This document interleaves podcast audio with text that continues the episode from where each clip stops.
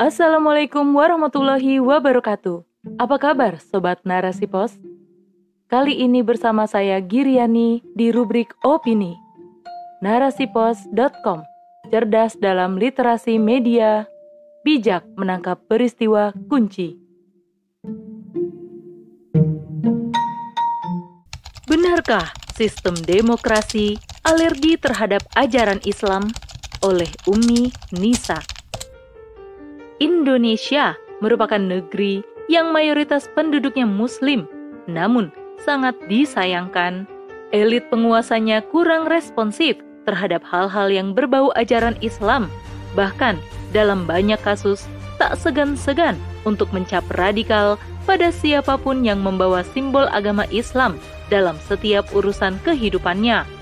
Berbeda halnya terhadap apa pun di luar paham Islam seperti kebebasan atau liberalisme, atau paham anti agama atau komunisme, sangat tampak betapa mereka lebih adaptif. Sikap penguasa yang dianggap lebih menerima hal-hal di luar Islam ini salah satunya terlihat dari pernyataan seorang Panglima TNI, Jenderal Andika Prakasa, beberapa waktu lalu.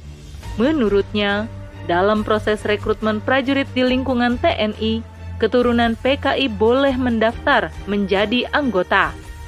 Pernyataan Panglima TNI tersebut diapresiasi oleh pejabat lainnya, tak terkecuali politisi. Di antaranya, Menteri Koordinator Bidang Politik, Hukum, dan Keamanan atau Menko Polhukam Mahfud MD tidak mempersoalkan kebijakan tersebut. Bahkan, ia meminta ada seleksi ideologi bagi setiap calon prajurit TNI, bukan dari sisi asal keturunannya. Apresiasi lain juga datang dari politisi PDIP, Ruhut Sitompul. Dalam akun Twitter pribadinya, pada Jumat 1 April 2022, ia menyindir dengan membandingkan bahwa keturunan PKI lebih baik dari orang yang mengaku cucu Nabi, tapi memiliki kelakuan melebihi PKI sikap para elit penguasa ini sangat kontradiktif terhadap seseorang yang membawa simbol-simbol Islami dalam kesehariannya. Publik tentu masih ingat beberapa tahun lalu ada seorang anggota TNI yang bernama Enzo Zenz Ali kedapatan berfoto sambil membawa bendera tauhid. Sikap yang ditunjukkan penguasa serta merta menolaknya. Bahkan ada yang memintanya untuk dipecat karena dianggap radikal dan membahayakan. Inilah realitas penyikapan yang berbeda terhadap hal-hal yang datang dari ajaran Islam. Sesungguhnya, kenapa hal ini terjadi di negeri yang katanya mayoritas penduduknya Muslim? Sikap elit penguasa yang alergi terhadap sesuatu yang datang dari Islam tentu sangat disayangkan. Namun, Inilah realitas penerapan sistem demokrasi sekuler saat ini. Suatu aturan yang asasnya memisahkan agama dari kehidupan. Dalam hal ini, memandang nilai-nilai agama tidak perlu digunakan untuk mengatur urusan masyarakat, tetapi cukup dalam masalah ibadah semata. Sehingga hal inilah yang menjadi dasar penolakan terhadap sesuatu yang bernilai ajaran Islam. Sebab peluang untuk menerapkannya dalam seluruh aspek kehidupan dianggap akan mencederai demokrasi itu sendiri. Namun, berbeda halnya dengan paham-paham lain, maka akan lebih diterima sebab memang dipandang sejalan dengan ide demokrasi sekuler. Selain itu, sistem demokrasi sekuler juga menjamin kebebasan setiap individu, baik dalam bersikap maupun berpendapat, sehingga Semisal kasus di atas, tidak ada larangan bagi siapa pun untuk mendaftar jadi prajurit TNI, meskipun sesungguhnya berpotensi memiliki pengaruh paham yang dilarang demokrasi seperti komunisme. Namun demikian, dalam sistem ini kebebasan individu akan dijamin selama selaras dengan pemahaman demokrasi. Lain halnya ketika berseberangan dengan paham ini. Contohnya, jika ada individu yang memegang teguh ajaran Islam yang sempurna dinilai bertentangan dengan sistem ini, maka tidak heran jika penguasa selalu mewaspadainya. Bahkan akan dengan mudah ia dikriminalisasi dengan stempel radikal.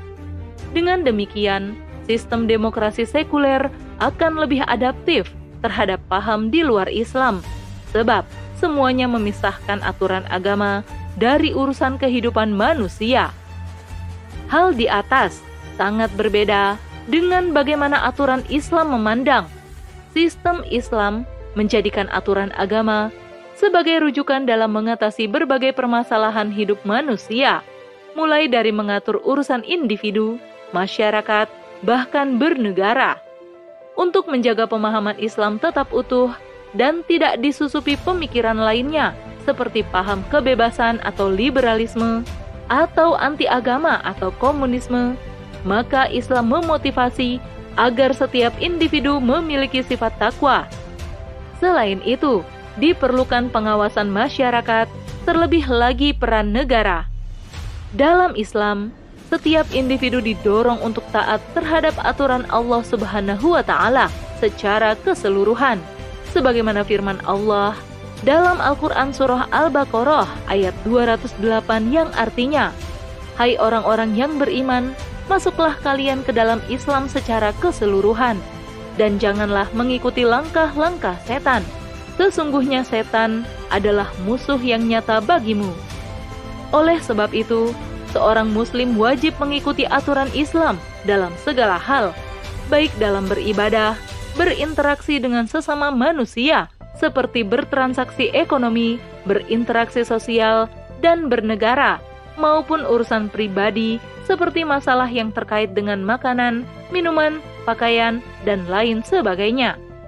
Selain itu, Masyarakat juga wajib melakukan pengawasan untuk menjaga pemikiran setiap individu agar tetap teguh pada prinsip-prinsip syariat, juga aturan negara. Kontrol ini berupa aktivitas amar ma'ruf nahi mungkar, baik antar sesama muslim maupun terhadap non-muslim. Sebab aturan Islam diterapkan bukan hanya untuk kaum muslimin saja, tetapi untuk rakyat secara keseluruhan yang ada dalam lindungan negara Islam. Begitu juga dengan peran negara, tidak kalah penting dalam mencegah masuknya paham-paham di luar Islam. Sebab negara memiliki wewenang untuk menerapkan berbagai aturan yang dapat mencegah berkembangnya pemahaman yang merusak. Dalam masalah keanggotaan sebagai prajurit atau tentara yang akan membela negara, maka setiap anggota masyarakat, baik muslim ataupun non-muslim, diberi kebebasan untuk mendaftarkan diri. Bagi seorang muslim, maka aktivitasnya ini di samping mendapatkan kompensasi materi, namun juga menjadi sebuah ibadah. Apalagi jika sampai syahid di medan pertempuran. Sementara bagi non-muslim, mereka juga tidak dilarang untuk menjadi anggota selama memiliki loyalitas penuh pada negara. Bagi mereka, tentu akan mendapatkan gaji sebagai kompensasinya, meski tidak menjadikannya termasuk pelaksanaan aspek ibadah. Itulah sebagian dari aturan Islam dalam mengatur urusan manusia. Andai saja seluruh syariat Islam dapat diterapkan dalam setiap lini kehidupan, maka bisa dipastikan semua rakyat, bahkan para penguasa pun tidak akan merasa alergi terhadap ajaran Islam. Sebaliknya, aturan Islam akan senantiasa dijaga dari hal-hal yang dapat merusaknya. Semua ini hanya bisa terwujud jika ada institusi pemerintahan yang menerapkan aturan Islam secara sempurna, yakni Daulah Khilafah Islamiyah. Wallahu a'lam bishawab.